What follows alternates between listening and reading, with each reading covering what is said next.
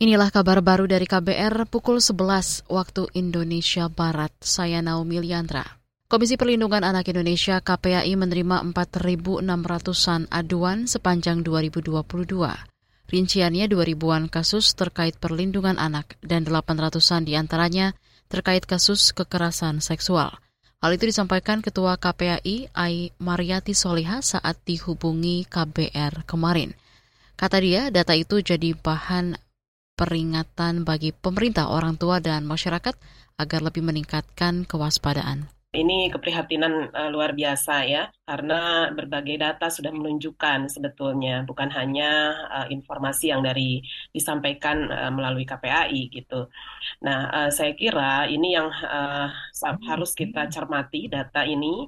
Pertama tingginya animo publik ya untuk uh, melaporkan ke berbagai lembaga. Nah, ini harus kita uh, apa berikan sentimen positif gitu, uh, karena sesungguhnya fenomena uh, kekerasan seksual ya kekerasan pada umumnya kepada anak-anak itu agak sulit terlaporkan dan ini menjadi fenomena gunung es. Ketua KPAI Ayu Mariati menilai semua pihak harus bisa cepat merespons apa saja faktor yang termasuk kekerasan seksual.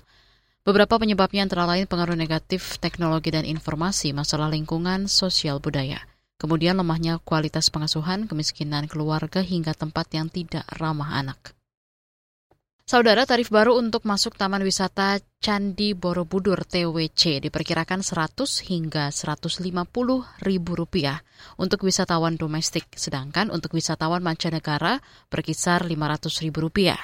Menteri Pariwisata Ekonomi Kreatif Menparekraf Sandiaga Uno mengatakan ketiga tarif itu masih tahap kajian dan akan difinalisasi.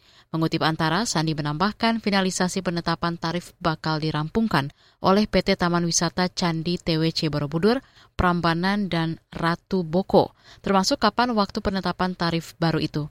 Ia juga mengklaim keputusan tersebut sudah direstui Menteri Koordinator Bidang Kemaritiman dan Investasi, Menko Marves Luhut Binsar Panjaitan. Selain itu, ia juga bakal melapor kepada Presiden Joko Widodo dan Wakil Presiden Ma'ruf Amin jika kajian selesai.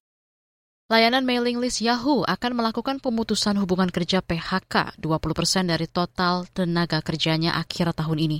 Langkah ini dilakukan untuk merestrukturisasi unit periklanan yang mulai terimpas faktor ekonomi. Mengutip CNN, juri bicara Yahoo menyebut divisi teknologi iklan lama perusahaan Yahoo for Business akan dirombak dan diubah menjadi divisi baru yang disebut Yahoo Advertising. Sebagai bagian dari perubahan itu, Yahoo berencana memangkas hampir 50 persen pekerjaannya tahun ini. CEO Yahoo Jim Lanzone kepada Axios dalam sebuah wawancara mengatakan perubahan ini akan sangat bermanfaat bagi profitabilitas Yahoo secara keseluruhan. Pengumuman PHK Yahoo muncul di tengah semakin banyaknya perusahaan teknologi dan media memangkas biaya merespon ketidakpastian ekonomi global. Saudara, demikian kabar baru KBR. Saya Naomi Liandra.